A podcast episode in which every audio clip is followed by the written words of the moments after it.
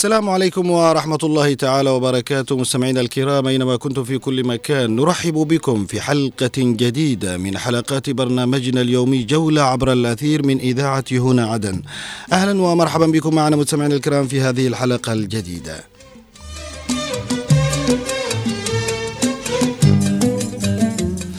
مستمعي الكرام ها نحن نعود إليكم من جديد ومعنا الكثير من المواد والفقرات التي سوف آه، نستعرضها في هذه الساعة الأثيرية التي ستكون معكم من الآن وحتى الثانية ظهراً.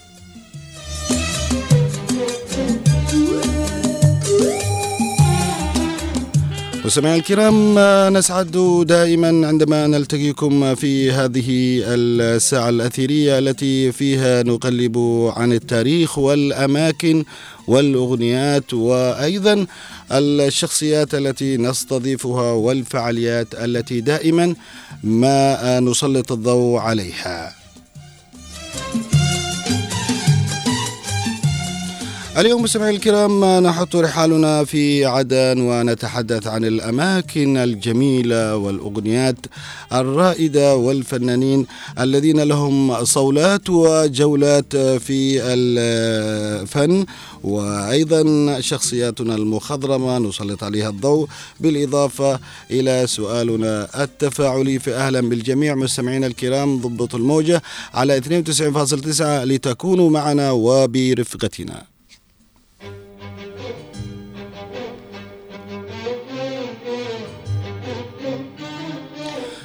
في مسال هذه آه، طبعا الحلقة لكم أجمل ورقة تحية مني محدثكم محمد باحمل ومن زميلي في التنفيذ والإخراج خالد الشعيبي.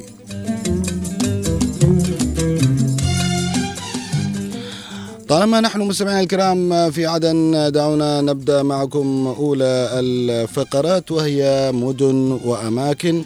آه لابد لنا أن نتعرف من خلال هذه الفقرة على واحدة من المقاهي الشعبية التي تشتهر آه بها عدن. آه كنا في الحلقة الماضية تحدثنا عن مقهى السكران اليوم نتحدث تاريخيا عن مقهى زكو.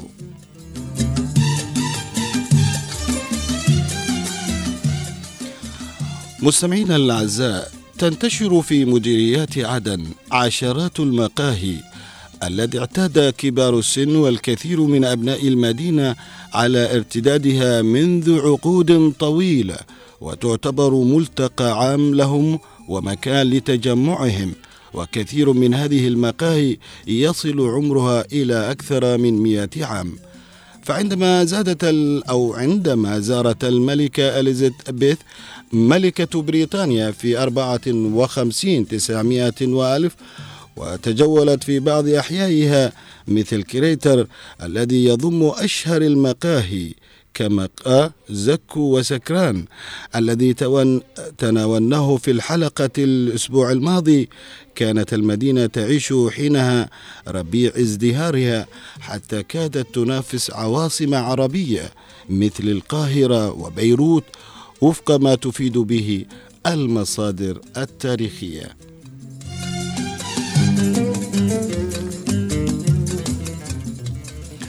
وفي القرن الماضي مستمعينا الكرام اعتاد كثير من الأدباء والشعراء والفنانين والرياضيين والعمال والصحفيين وحتى السياسيين وكبار المسؤولين والمواطنين العاديين على ارتياد هذه المقاهي التي ظلت محافظة على رونقها وجمالها وأصالتها العريقة ولا زالت حتى اليوم تجذب مختلف الشرائح والفئات الاجتماعية لشرب الشاي لتتحول إلى أشبه بالمنتديات الثقافية والفنية والأدبية.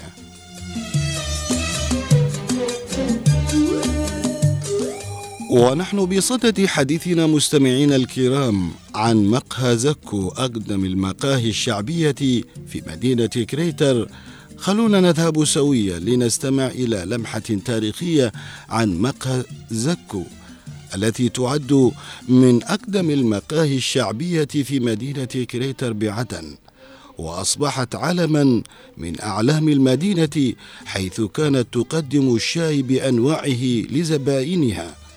أسسها الحاج زكريا محمد إلياس عام 1888 إلى 1955 رحمة الله عليه في خمسينيات القرن الماضي وإليها نسب اسمها زكو.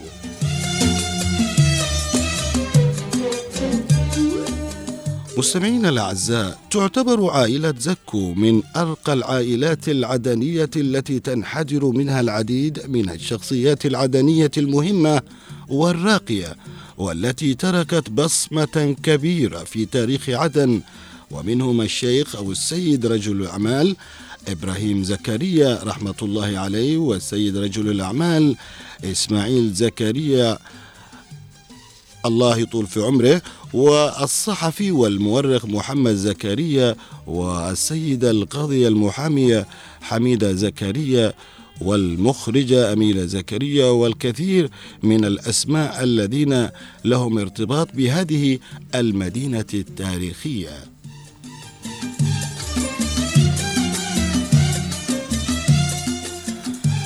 كانت المقاهي ملتقى لكافة الشرائح والمستويات من أبناء عدن وكذا المارين بعدن وضيوفها. وكانت الملتقى الأول للأحرار والثوار والمناضلين آنذاك. أما أنواع الشاي العدني الشهير الذي كان يتم تقديمه في مقهاي الزكو الشاي المحوج زايد جوز والشاي الأصملي الثقيل جدا والجرو والخفيف اللبن وشاي نص يعني نص قلاص وشاي دبل يعني قلص مليان أما من أنواع الشاي هناك العديد من أنواع الشاي العدني التي تقدمها هذه المقاهي لمرتاديها حسب ما يحكي المؤرخ بلال غلام. والذي آه، قال إنه يعتبر من الضروريات في المقاهي العدنية وله طقوس وطرق متعددة تعلمها أهل المدينة من الهنود الوافدين في بداية القرن التاسع عشر. والشاي مستمعين الكرام المعروف لدى عامة الناس هو الشاي الملبن بجميع أنواعه وطرق عمله حتى يتم غليه ومن ثم يضاف إليه اللبن ليغلي معا على نار هادية ومن ثم يضاف إليه ماء الحوائج المخلوطة وهو جوز وهيل وقليل من الزنجبيل حسب الطريقة الهندية وهناك طريقتين شهيرتين لطبخ أما على الفحم فوق المربخ والتي كانت تستخدم قديما أو على الشولة فهذه لمحة مستمعين الكرام على واحدة من المقاهي التي كانت في يوم من الأيام آه، من المقاهي التي لها شهرة واسعة والتي دائما ما يرتادوها الكثير من الناس. أكان أبناء المدينة أو الزوار الذين يأتون من خارج هذه المدينة. فدائما تحرص مثل هكذا مقاهي على أن تقدم الشيء الأفضل وما زالت طبعا بعضها آه، موجودة من هذه المقاهي الشعبية. بهكذا مستمعينا الكرام نغلق صفحتنا أو نغلق فقرة مدن وأماكن لننتقل بكم إلى فقرة أخرى من فقرات برنامجنا جولة عبر الأثير.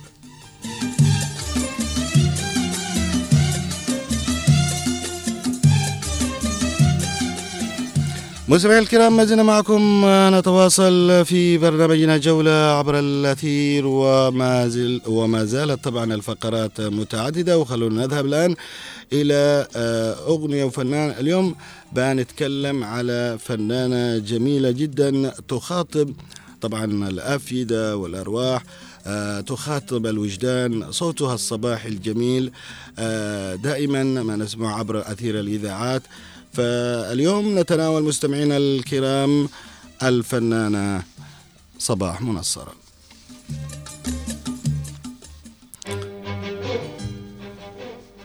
مستمعينا الأعزاء نتحدث عن الفنانة العدنية الكبيرة. صباح منصر الصوت المخملي الندي الرقيق العذب الآسر والساحر الذي دائما ما يعطر صباحاتنا وأيضا مساءاتنا بصوتها الدافئ والحنون المليء بالبهجة والفرح وكذلك الأمل والغبطة والسعادة وبروائح الفل والكادي والياسمين. يا حبيبي سعد صباح للصباح نور وبهاء يا حبيبي سعد صباح. للصباح نور وبهاء والناس مصبح عليك. نفحته تشبه رضاك والناس مصبح عليك. نفحته تشبه رضاك.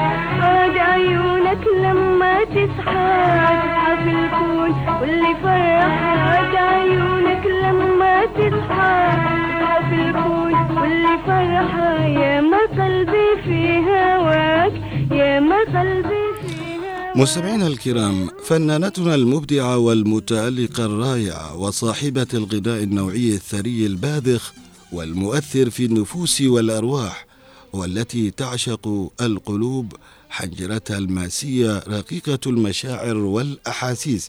الإنسانية المتدفقة كشلالات المياه الصافية العذبة.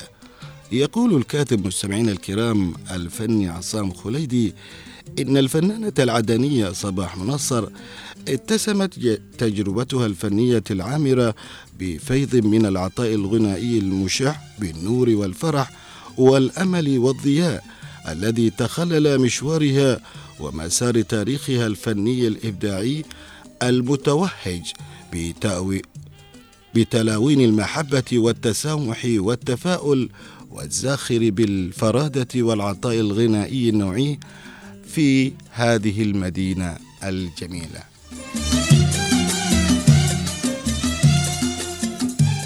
إن الفنانة القديرة صباح منصر مستمعين الكرام اسما ومعنى وتاريخ بل نموذج ورفعة وشموخ مكونات الفنانة الملتزمة التي تعلو وتزهو بعطاءاتها وإبداعاتها وأخلاقها المشهودة التي عرفت بها على امتداد تاريخها الغنائي الذي وشمت به على جدار الزمان والمكان.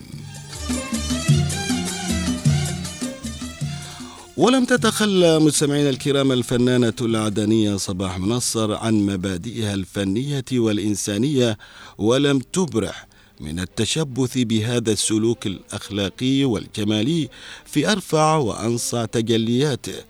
فهل تعلمون مستمعينا الكرام ما هو عنوان هذه السيدة المبدعة الفاضلة إنه الصمت والثبات والعزة. عندما تكون لغة الصمت أبلغ من الكلام. هكذا يقول الفنان والكاتب الفني عصام خليدي في إحدى كتاباته عن الفنانة العدنية أو عن الفنانة العدنية صباح منصر.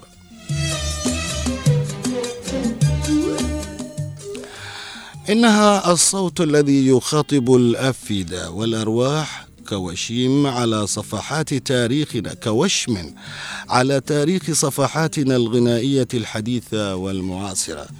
نعم مستمعينا الكرام الواقع أن تجربة الفنانة الكبيرة والمبدعة صباح منصر اتسمت بالوهج والإشعاع الذي شهدته مدينة عدن في حقبة الستينيات والسبعينيات من القرن الفارط حيث واكبت النهضة الإبداعية في مدينة عدن إذ أنها وجهان لعملة واحدة لا ينفصلان فهي من صناع زمن الغناء الذهبي وأساطينه فمن منا لا يتذكر أغانيها الجميلة.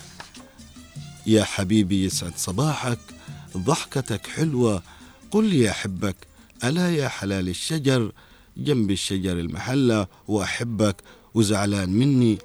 قل أو قال ابن الأشرف هذا دويته طبعا الراعي والرعية مع الفنان الكبير محمد صالح العساني. يا عيدان الذرق في دهلي عالي.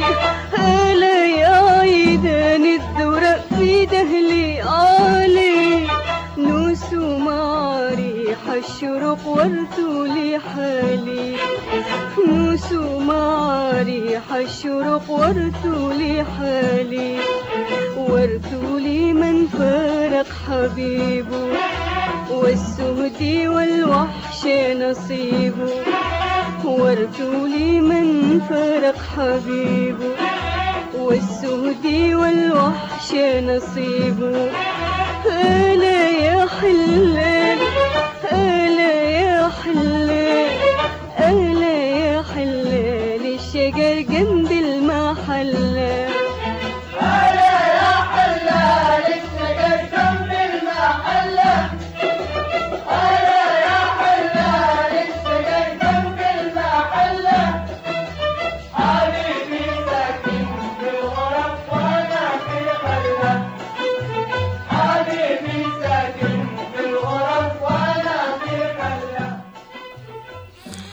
مستمعينا الكرام إضافة إلى مشاركاتها ضمن كوكبة الثلاثي اللطيف مع رجب سودان وأم الخير جمعي بجانب مجموعة من الأعمال الفنية الرائعة التي شكلت من خلالها باقة غنائية وردية باهية زاهية من روائع الغناء العدني الحديث.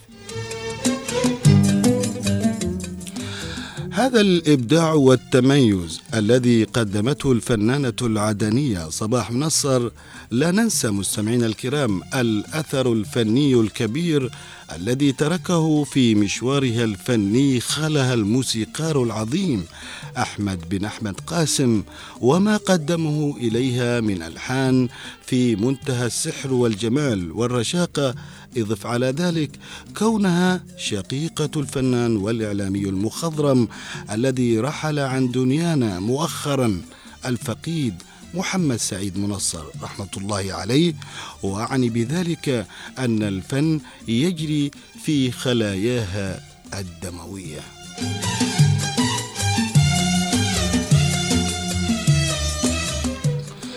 فمطلوبتنا مستمعينا الكرام صبوحة عدن من أسرة فنية عريقة راسخة البنيان رصينة ومتجذرة المداميك والهوية والمزاج الإبداعي. مشوارها الفني حافل بالإنجازات الإبداعية والمشاركات الفنية في داخل الوطن وخارجه. ساهمت في بلورة وتطوير وريادة الغناء العدني في كل أرجاء الوطن وفي الجزيرة العربية والخليج من ادناه إلى اقصاه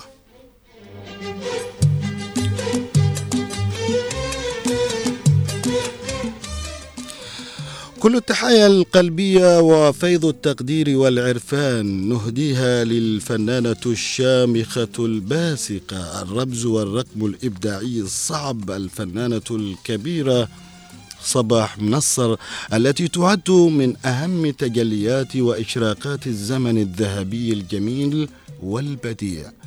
هكذا يقول مستمعينا الكرام الذي دائما ما يكتب عن الفن والفنانين عصام خليدي. نعم إنها وجبة أو وجه آه طبعا آه طود شاهق الأشم الذي خدم الوطن ردحا طويلا من الزمن. من العطاء والإنتاج الإبداعي المتميز. فعلا الفنانة الكبيرة والقديرة الزاهدة صباح منصر أيقونة عصرها وزمانها الحالمة والراسخة بغنائها السرمدي الساري في الأذهان والأرواح والعقول بأروع الأغنيات والتألق والسب والسبق والريادة. إذا مستمعينا الكرام فنانتنا القديرة صباح نصر تعد واحدة من أبرز صناع نهضة أمجاد الوطن الإبداعية ورموزه الأفذاذ الشامخين المتعففين الراهبين في محراب الفن والجمال والخلود.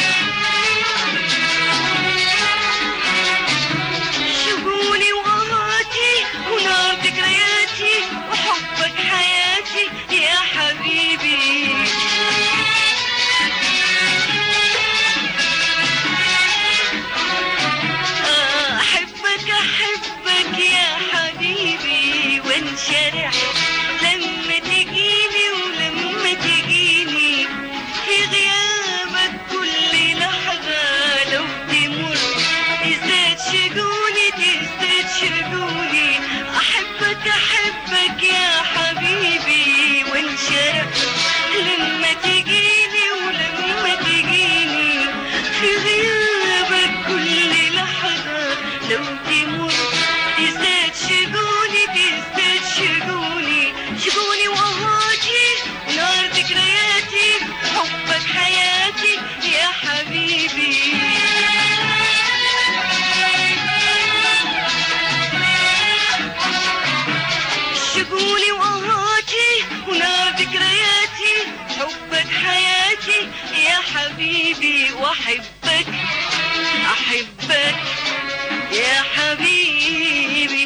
حبيبي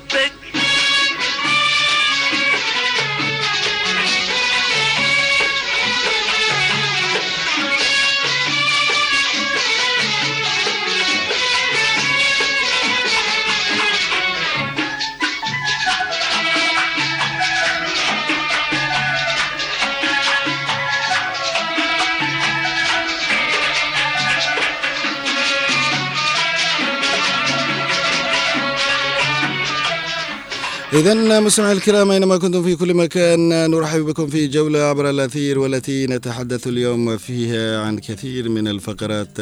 سبق وأن تحدثنا في مدن وأماكن عن آه، السكران واليوم نتحدث في هذه الفقرة عن آه، مقهى زكو آه، التاريخي الذي له صولات وجولات وأيضا سمي آه، حتى الجولة اللي في كريتر باسم هذا آه، المكان. آه، مستمعينا الكرام آه، برضو كمان آه، تحدثنا عن فنانة قديرة آه، صباح منصر واحدة من الفنانات آه، التي آه، لها أثر كبير وتعد واحدة من آه، الفنانات آه، في مدينة عدن لها مشوار كبير. ومثل ما ذكرنا أنه آه، لا ننسى الأثر الذي آه، خلفه آه، الفنان أحمد بن أحمد قاسم وأخيها برضو كمان رحمة الله عليه الإعلامي المخضرم محمد سيد نصر. فتعد واحدة من الفنانات. آه، التي صودها دائما آه، في الآفاق. مستمعي الكرام ما زلنا معكم آه، نتواصل في آه، جولة آه، عبر الأثير. والآن مستمعينا الكرام نذهب وإياكم إلى فقرة آه، ألو وينك ومعنا آه، الصحفية أمل عياش إسماعيل. أهلا ومرحبا بك معنا أولا. أهلا وسهلا. أهلا بالاعلامي الجميل. يا. مرحبا. كيفك يا أستاذة أمل؟ تمام الحمد لله. كيفكم أنتم؟ نحمد الله على كل حال. أولا وأيضا نسعد دائما بك آه، ونقول عاش من سمع صوتك. الله يحفظك. موجودين موجودين بالساحة. نعم. هذه الفقرة دائما إحنا نسأل على أبرز آه، الأسماء والشخصيات التي آه، موجودة في عدن في يوم من الأيام. وما زالت طبعا آه، فقط للسؤال عنها. أنت أستاذة أمل الجميع يعرفك بأنك كاتبة صحفية في الصحف والمجلات وأيضا المواقع الإلكترونية. كيف تحدثين بداية عن آه، بداياتك مع الصحافة؟ طبعا البداية كانت آه، من الطفولة. اولا وقبل كل شيء شكرا لإذاعتها هنا عدن لاستضافتي مهم. وإلقاء الضوء علي. آه ثانيا البداية طبعا هي من الطفولة. عندما كان يوجه لنا سؤال من المدرسين مم. ما هي هوايتك. أو ماذا تريد أن تصير في المستقبل؟ نعم. أقول لهم صحفية. كنت دائما أقول لهم صحفية. كنت أهوى قراءة المجلات المتخصصة بالفن والفنانين. نعم. آه مستمره بالقراءة والهواية موجودة أنني أكون صحفية.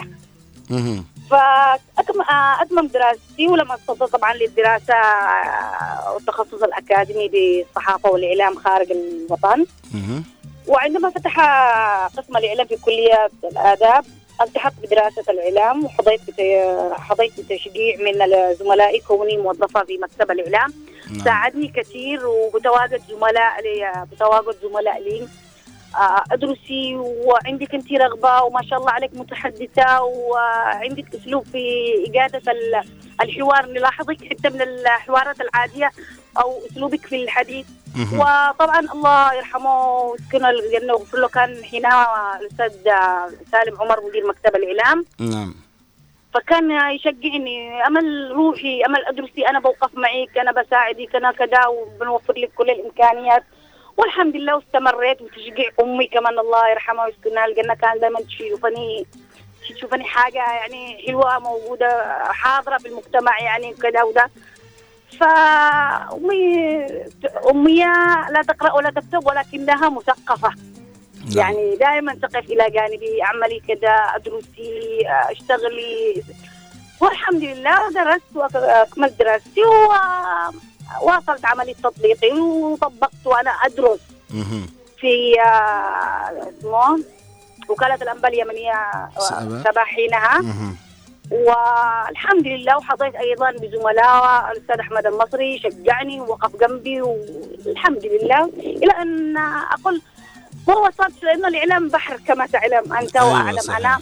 آه نحاول ان إحنا نجتهد ونوصل إن شاء الله باذن الله نعم. وإن شاء الله أنك آه، أصبحت اسم معروف في عدن وخارج حتى عدن.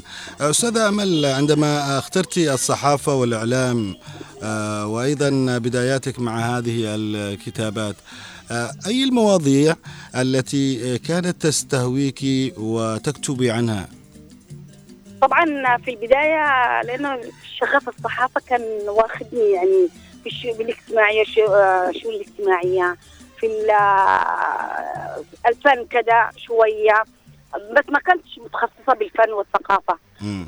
فمقالات آه، في عن أحداث ال- الوضع البلد وكما تعرف استمر البلد بأحداث كثيرة وكذا وده طبعا كوني أعيش في البلد ف لازم يعني من كلمة لازم آه، نكتب نقول رأينا كإعلاميين وصحفيين بمهنيه يعني مم. فبعدها بحكم بحكم اننا في. مكتب آه، الثقافه والإعلام جنب. بعض نعم فدائما كان يوجه أوجه سؤال لزملائي في الثقافة في مكتب الثقافة. فين الفنان كده آه ليش عدن ما فيش مسرح ليش عدن ما فيها خشبة مسرح ليش آه فين الممثل كده فبداية الأسئلة متأكدة هكذا مم. فيكون الرد آه، عملي معاهم لقاءات آه،. وحين وجهني الدكتور عبد الرحمن عبد الخالق الله يرحمه ويغفر له ويسكنه الجنة نعم، فقال لي أمل. نعم. آمين يا رب. فقال لي أمل آه، ليش ما تتخصصيش بالفن والفنانين والمبدعين والثقافة؟ مم. عدن يعني غنية وتاريخ وتراث وكذا. قلت له والله ليش لا؟ فالبداية كانت من السؤال عن بطل الأناشيد الفنان الراحل حسن عطاء. أيوة. فذهبت له للاحق وحاولت أعمل معه لقاءات ووصلت مناشدته وحاولوا يعملوا له حلول مم. فحبيت الموضوع واستهواني أكثر وأكثر وكوني كما قلت لك مسبقا إنني دائما أكون متواجدة في مكتب الثقافة الذي هو بجانب مكتب. الإعلام نعم نعم فخلاص آه، بدأت كذا أشوف فنان أعمل معه لقاء أشوف ابدا اسال عنهم بدأت أكتب عن المسرح عن ال- الفن عن الإبداع عن غيابه عن أمور كثيرة في ال- فتخصص والآن أمشي بالفن والفنانين والمبدعين. نعم. يعني تخصصتي دور إنك تعملي حوارات مع الفنانين وكذلك الم- المبدعين. إيه، وال- والإعلاميين. طيب أستاذ امل يعني آه، هل تعتقدين إنه اليوم آه، في ظل هذا التوسع الإعلامي لابد من الصحفي اليوم أن يتخصص آه، كون آه، في وسائل كثيرة منها التواصل الاجتماعي، الصحافة الإلكترونية، الإذاعة والتلفزيون، الصحافة الرياضية، هل بالإمكان اليوم انه الصحفي يجب عليه أن يكون مختص ويتميز في شيء؟ لازم نعم. لازم التخصص مطلوب مم. أنت ما عند آه، أنت عندما تتخصص في مثلا في الشؤون الفنية أو في الشؤون الرياضية أنا كما ألاحظ إنه يعني تكون مرجع. أيوه مم. يعني آه، تكون مطلع وعلى أه. اطلاع دائما. يعني أنت لما تكون متخصص مثلا بالفن تابع الفنانين دائما في مكتب الثقافة دائما في وزارة الثقافة دائما همومهم تاريخهم آم آم مشوارهم الفني يعني ما يعني لما باجي مش متخصصة بالفن أو بالرياضة باجي طبعا فنان أو لاعب بس مجرد إنشاء كلام مم. أو اشله من اي صفحة اخذه من اي صفحة مم. وأصيغ موضوع و... ومشوا تكون أحيانا المعلومات خاطئة مم. المعلومات لكن لما عندما تتخصص تتوسع مم. وتكون مقرب أكثر صحيح لل... للشخصية أو للوزير أو بحيث إنك تخرج معلومات مم. تستفيد أنت منها وقبل كل شيء يستفيد منها القارئ لأنه في الأخير نحن نكتب عشان القارئ مم. يريد آه يريد آه يشبع يشبع رغباته بالقراءة الصحيحة صحيح والمفيدة مهم. أكيد والتخ... والتخصص مفيد آه، زي مثلا أنا العلاقة الآن بيني وبين الفنانين والمبدعين آه، ليست ورقة وقلم أو صحيح. مسجلة وعلاقة روحانية. مم. يعني تصل إلى أنه زيارات والسؤال حتى عندما يتوفي فنان أو مبدع أتأثر أنا كثيرا وأبكي و... وأترحم عليهم وأزعل من معاناتهم من همومهم مشاكلهم. ولله الحمد يعني والتخصص آه، مطلوب ومطلوب جدا يعني. وأتمنى أن يتخصصوا الإعلاميين في كل في مجاله. يعني كل إنه في مجال يكون أفضل حتى آه، اللي بي آه، يسأل عن الفنان الآخر يقول لك روح لعند الصحفية آه، أمل عياش ممكن تعطيك معلومات أكثر عن الفنان الفلاني هكذا نعم، هو ويحصل. التخصص آه. وحصل وحصل فعلا مم. يتم التواصل معي يمشي معلومات عن كذا فنان عن رقم فنان عن مكان فنان عن إيش وليش ذاك الفنان انت كنت بتواصلي معاهم؟ ليش وفى وايش كان سبب وفاته أو إيش كان معاناته؟ مم. بهذا الشكل يعني نعم. والحمد لله. طيب آه، أنت آه، بحكم إنك برضو كمان آه، تتميزي بكاريزما خاصة ليش ما ذهبتي إلى تجربة الإعلام الإذاعي أو التلفزيوني؟ آه، أحب ال- الصحافة المقروءة. كما قلت لك آه، دائما كنت بقرأ مجلات وكذا. ووجهت لي السؤال ده من آه، قبل أو سابقا آه، المذيعة ليلى ربيع. عندما كانت في قناة اليمن اليوم.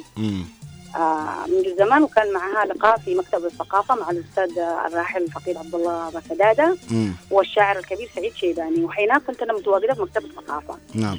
آه بعث لي الأستاذ عبد الله بكداده فعرفني عليها قال لي الأستاذة من عياش متخصصة بالفن والفنانين فقالت يا لهوي. الحق لله راوية تعرف يا لهوي انت انت المفروض تكوني بالتلفزيون انت صورتك يعني مقبولة وكذا. شا... أيوه مقبولة على الشاشة و لازم وانت وانت وأنا بكلم لك الأستاذ حسين باسليم بكلم لك آه، حينها كان آه، خالد عبد الكريم مدير قناه عدن قلت له لا والله اعرف الأستاذ حسين اعرف الدكتور خالد عبد الكريم. بس إنها هو الكتابة والصحافه المقروءة يعني. فقالت لا انت لازم تكوني بالتلفزيون. قلت لها التلفزيون حضور وتحضير. أنا لما أروح أعمل استطلاعات في قناة عدن مع مذيعين وإعلاميين وأساتذة أشعر برهبة وخوف كذا لما تقف أمام نبيله حمود الله يرحمها. آه، لولا محفوظ صحيح آه، أسماء حتى لا كثر أحد يعني، أسماء كثر، يعني. مم. فعلا واللغة العربية يعني أساتذة بالإعداد يعني والتقدير ما جربتي إيه. هذه التجربة لا التجربة الإذاعية ولا التجربة التلفزيونية ولا لا، حتى لا، حاولتي هل كانت ما- الرغبة مسيطرة لا عليك؟ لا لا لا مش ما حاولت بعدها حاولت بس آه. كمان الخوف تعرف.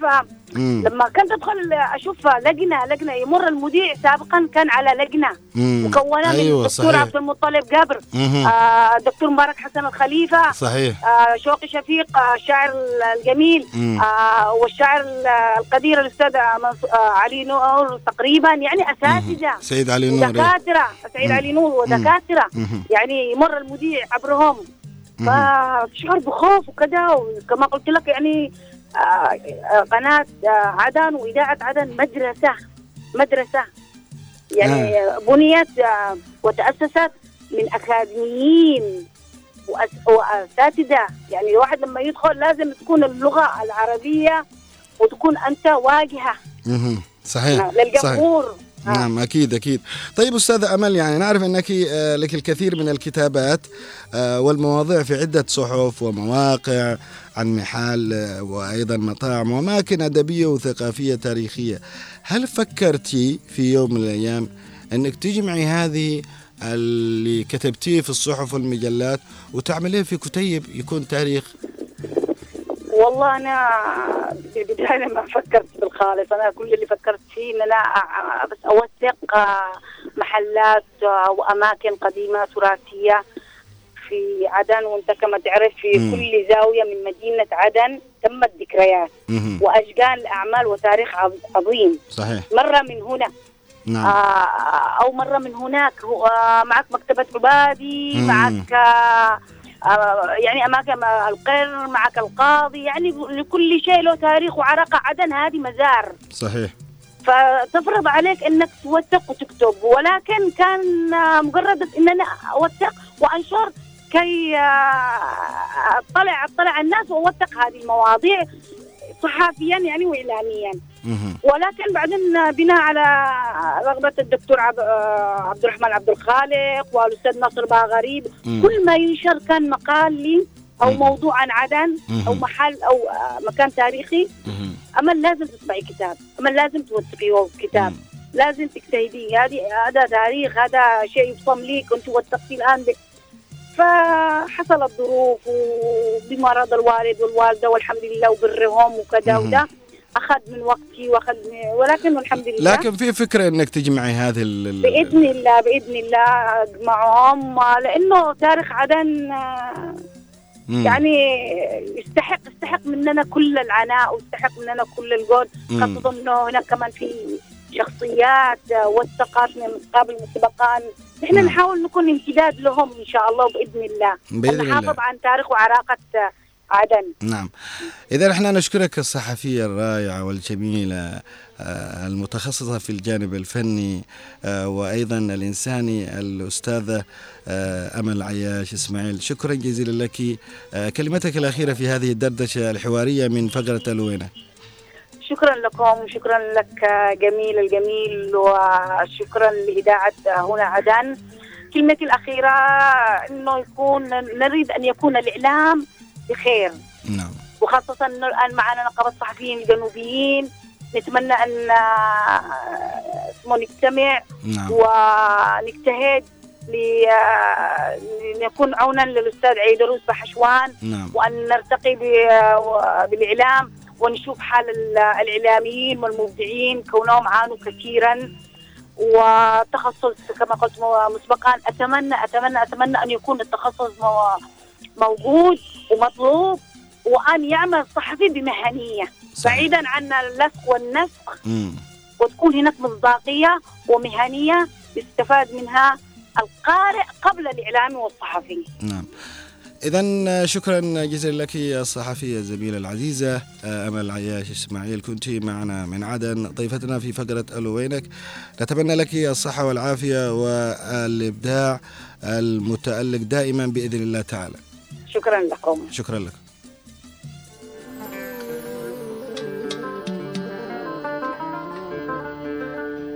لا قال أبو سعدان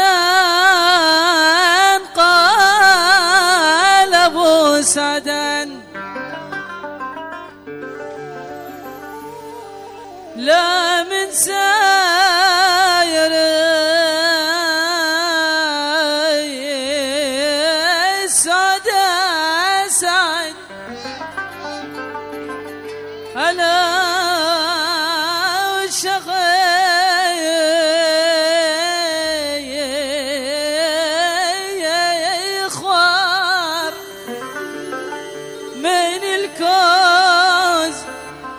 فنقان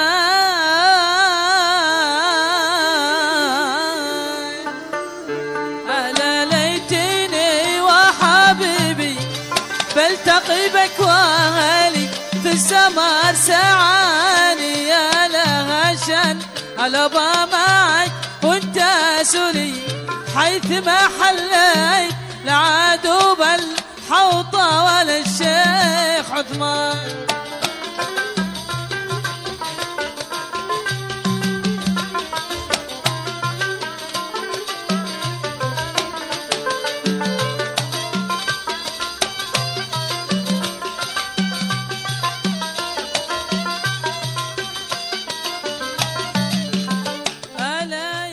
مستمعينا الكرام ما زلنا معكم نتواصل في جولة عبر الأثير من إذاعتي هنا عدن على تردد 92.9 كنا فيما مضى في فقرة وينك معنا كانت الأستاذة الصحفية أمل آه، عياش إسماعيل. والآن ننتقل بكم مستمعينا الكرام إلى الفقرة الميدانية ونسلط فيها الضوء على واحدة من الجمعيات آه، في آه، مدينة عدن آه، جمعية نفوس تواقة للتنمية والتوعية.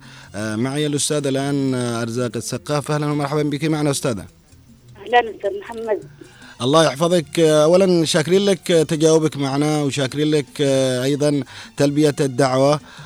وأنتم ما شاء الله عاملين الكثير من المناشط والفعاليات آه، في آه، جمعية آه، نفوس تواقه للتنمية والتوعية. بداية خلينا نتحدث معك أستاذة رزاق السقاف. عن آه، ورشة كانت آه، قد عملتوها أو أمسية آه، معنية بالكهرباء وكانت تستهدف النساء، لماذا هذه الأمسية وكيف جاءت هذه الأمسية؟ اولا مساء الخير عليكم على المستمعين. وأمسية النساء والكهرباء هي فكرة الأستاذ المهندس رئيس مؤسسة صناعة في عدن. نعم. الأستاذ نزيه. وهم مدرب نظام الكهرباء. نعم. تخرج على يده الكثير من الشباب وكان يعني مركز على الشباب في الموضوع هذا. ففي يوم عمل أمسية هو للنساء في أساسيات الكهرباء وإصلاح الأعطال الصغيرة وتركيب البلاكات والمشاكل يعني السواقة هنا في البيت نحن كنساء. وكنت من المستفيدين من أمسيته. وأول ما أعلن عليه على طول سجلت إني أعاني من مشكلات في الكهرباء وتعرقلت ويجيب مهندس ويتأخر ومشاكل كذا في أها يعني أنتم عملتم هذه لكي آه، تتغلبوا على هذه الأشياء كاسعافات اوليه في في في, في البيت بالضبط أها. بالضبط ويعني الصراحة كان لازم كل النساء تتعلمها من زمان يعني مم. يعني شيء أول حاجة ممتع جدا. إنك آه، تعمل آه، تصلح مشاكلك بنفسك بدون مم. خسارة بدون آه، مواعيد وتأخير وكذا بصراحة عرقلات كنا نواجهها نحن النساء. و... وقررت اني انقل التجربة يعني. للنساء ما استفدت كثير جدا وع- وعملت أجهزة آه، ركبت البلاكات واصلحت مم. العطالات في بيتي وكذا مهم. قتلة تجربة حلوة ولازم الكل يستفيد واني من النوع اللي أحب انقل ال... ال... الشيء اللي استفدت منه لازم انقله للمجتمع يعني صحيح وكيف إنه عبر شفتوا الجمعيه طيب كيف شفتوا ال- الإقبال أستاذة أرزاق يعني آه، بالنسبة للنساء صراحة اقبال كبير والله ما توقعتش خ- آه، خصوصا عندنا نحن في المنطقة في الجمعية مم. يعني في منطقة المنقاره أيوه يعني قلت مش معقول زي النساء وكذا في عقاد في آه، يعني الأسر مش آه، مش واعية كثير في المنطقة اللي أنا فيها وكذا. فبصراحة 20 امرأة أنا استغربت جدا إن تكون يعني 20 امرأة جاءت وحضرت هذه الأمسية حضرت الأمسية. واستفادت واستمتعوا جدا وأشادوا بصراحة بالأمسية وكانت تجربة جدا جميلة وأمسية ناجحة. والحمد لله. نعم. إذا ما تحدثنا طبعا أستاذة أرزاق عن المحور الثاني اللي هو جمعية نفوس تواقة للتنمية والتوعية. لماذا هذا الاسم؟ وماذا يعني تواقة للتنمية والتوعية؟ والله التواقة آه، طبعا اسم نفوس تواقة هي من مأخوذ من مقولة ال- الخليفة عمر بن عبد العزيز. نعم رضي الله عنه. آه، آه، عندما قال آه، قبل موته كان يقول إن نفسي لتواقة ما حققت شيء إلا تحققت لما هو أعلى منه. الفكرة نحن إنه كنا كل ما عملنا مشروع نطمح للي بعده نطمح للي بعده ونطور وكذا. فشفت الاسم جدا مناسب مع المشروع و... و... وهمتنا وطموحنا. فقررنا اقترحنا الاسم يعني مع عدة أسماء فكان الاختيار على تواقع مهم. يعني الفكرة جات آه، من ماذا؟ يعني هل آه، حاولتم أنكم تعملوا توعية؟ شفتم أنه المجتمع اليوم في عدن وبالذات في الحي نفسه اللي أنتم الآن تستهدفوه أنه بحاجة إلى آه، تنمية وتوعية وتثقيف في هذه الجوانب؟ طبعا شوف هو هدف الجمعية كبداية طبعا إحنا بدأنا كمبادرة شبابية وكذا كان هدفها ال- الخير الأعمال الخيرية الإنسانية اللي هو آه، السلة الغذائية توزيع الملابس آه، وإفطار في المدارس ويعني هذه بس متجهة في الخير ما كانش في توعية ولا ثقافة مم. بعد كذا شفت ان المجتمع بحاجة بحاجة كبيرة للتوعية يعني مهم. شفت كيف لا تعطيني سمكة ولا تعلمني كيف أصطاد. فعلا نعم. أيوه فقررنا أن نحن نحول الهدف العام انه يكون خيري فقط إلى هدف آه، الجمعيه يكون توعوي وهذا اللي لمسناه من احتياجات المجتمع. يعني المجتمع محتاج توعية. بعد كذا الكل بيقدر آه، يعيش. يعني جمعية نفوس تواقع للتنمية والتوعية كانت هي عبارة عن مبادرة وبعد ذلك أنتم شفتم كانت- عمل آه. كانت مبادرة هي معي يعني وصديقاتي في أيام الثانوية يعني تقريبا مم. أيام 2009 مهم. 2010 أيوة بدأنا بتجميع تبرعات لمريضه مم. وحبيت الفكرة وف- وأني أسعد آه، نحن وصديقاتي أسعدنا البنت وكذا مهم. ب- بدا بدأنا بعدين في نقاشات كذا مبادرة يعني شخصية مني وصديقاتي من نحن أربع مهم. تجميع ملابس المدرسية من الطالبات وتنظيفها وتوزيعها على البنات المحتاجات. وبعد كذا عملنا فطور جماعي الناس خلصوا الثانوية ونحن مستمرين في في العمل في ال... العمل والحضور للثانوية يعني ما عجزناش إحنا السنة اللي كانت بين الجامعة مم. والبنات كانوا ما شاء الله نبكر كل يوم الصباح نطبخ في البيوت أنا وصديقاتي ونجهز سندوتشات ونوديها للمشرفات مهم. توزع في الاستراحة هذه كانت أول هذه كانت البداية في العمل الخيري بدون اسم بدون أي شيء مهم. نعم بعد كذا حبيت الفكرة وتحمست يعني وحبيت إني أستمر طبعا وقفوا صديقاتي وأنا استمريت وكونت فريق جديد م- م- يعني من شباب عدن وبنات عدن مم. وإلى الآن الحمد لله مستمرين.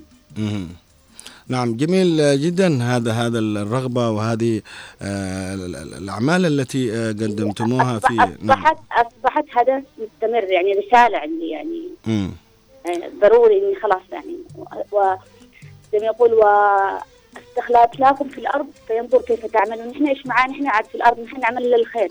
نعم. يعني بإذن الله والجمعية متى كان تأسيسها؟ عندما تحولت هذه من مبادرة إلى جمعية يعني. تأسست في 2014 مم. يعني أولا كمبادرة في 2013 واشتغلنا عليها بعدين 2014 كتأسيس من وزارة الشؤون الاجتماعية والعمل. مم. واشتغلتم. طيب آه، أستاذ أرزاق يعني الأعمال التي قدمتموها الآن في جمعية آه، نفوس تواقع للتنمية والتوعية نوعية الأعمال أبرز الأعمال نوعية آه، طبعا نحن مستمرين إلى الآن في الأعمال الخيرية مم. بتوزيع السلع الغذائية ولكن بشكل أخف من أول يعني. الآن لامسنا اليوم أشد فقرا فقط يعني يعني اخف من اول لأن نحن اتجهنا للتوعية بشكل أكثر مم. والحمد لله قدمنا الكثير من الأعمال ورصيد مشرف كان صراحة من الأعمال وما زلنا نطمح للاكثر من كذا نعم كانت في محاضرات تحفيز للشباب الأعمال التطوعية مم. آه، المجتمعية وفائدتها على الفرد والمجتمع مهم. من خلال عدة أمسيات ومحاضرات توعية من خطر المخدرات مهم. شراكات مع مع مؤسسات أخرى مم. وكمان كيف تخطط لحياتك وتحديد وتحديد الأهداف نعم. الأمسيات هذه اللي قدمناها وفن الإلقاء والإقناع والزواج المبكر نعم. كثير من الأمسيات الصراحة يعني وأيام ما فترة كورونا كنا من جميل نوعي في ال- الجمعية ودعم نفسي كمان نقدم. نعم. محاضرات دينية كمان يعني. جميل جميل. هذا الأعمال اللي اليوم آه، تأتي من هذه آه، فقط الأعمال شابات ونساء من فقط. أبناء عدن. يعني هذا الشيء الجميل اللي نبغاه ونفتخر فيه وأيضا نشجعكم على آه، مثل هذه الأعمال. أستاذ أرزاق يعني هل أنت راضية على ما قدمتيه في أعمالك التوعوي والتثقيفي أو أنه هناك ما زال شغف وطموح؟ لا لا أكيد. لا يعني مش راضية يعني ده نقطة في بحر يعني الصراحة مم. الأهداف كبيرة جدا ولسه ما حققتش إلا حاجة بسيطة. وصراحة يعني حسب الظروف واحتياجات المجتمع يعني الأهداف أكبر من كذا وكل ما تغير المجتمع كل ما زادت الأهداف. نعم. أيوة وما بيخلص الأهداف. نعم أكيد ما بتخلصش ولا مستحيل ولا مستحيل. نعم. إذا إحنا حب- حبينا فقط في برنامجنا جولة عبر الأثير أن نسلط الضوء على هذه الجمعية جمعية نفوس تواقة للتنمية والتوعية. أنا أشكرك جزيل الشكر أستاذة أرزاق آه، السقاف على آه، طبعا تلبية هذا الدعوة وأيضا آه، الاتصال. شكرا لك آه، كلمتك الأخيرة. شكرا لك أستاذ محمد على تسليط الضوء على المشاريع ال- المهمة والمجتمعية في عدن. ونشكر فريق وطاقم إذاعة هنا عدن نعم ونحن نشكرك أتمنى جزيل لكم التوفيق والنجاح إن شاء الله. الله. شكرا جزيلا لك شكرا.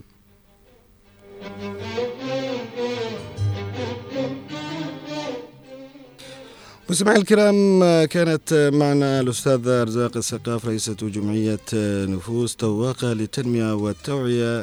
طبعا هذه الجمعية اللي لها بصمات واضحة وأعمال في الجانب المجتمعي في مدينة عدن وخاصة في المدارة وأيضا ضواحي الشيخ عثمان.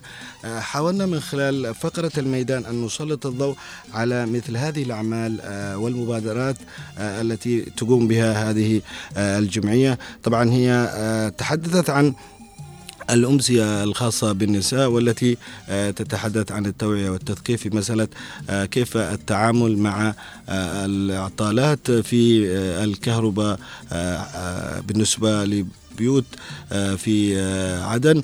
وكان هناك إقبال كبير مثل ما ذكرت الضيفة بأنه 20 امرأة طبعا أجوا هذه الأمسية وأيضا استفادوا منها الكثير. ونحن بحاجة إلى توعية وتثقيف اليوم الكثير من ربات البيوت في هذه المسألة الخطيرة اللي اليوم نحن بحاجة كلنا إليها حتى يأتي المهندس عندما يحصل أي عطب أو عطل للتيار الكهربائي في أي بيوت من البيوت في المدينة أو خارج المدينة. عموما مستمعي الكرام وصلنا بحضراتكم إلى نهاية حلقة اليوم من جولة عبر الأثير في الختام لكم أجمل وركة تحية مني محدثكم محمد بحميل ومن زميلي المخرج خالد الشعيبي. إلى اللقاء.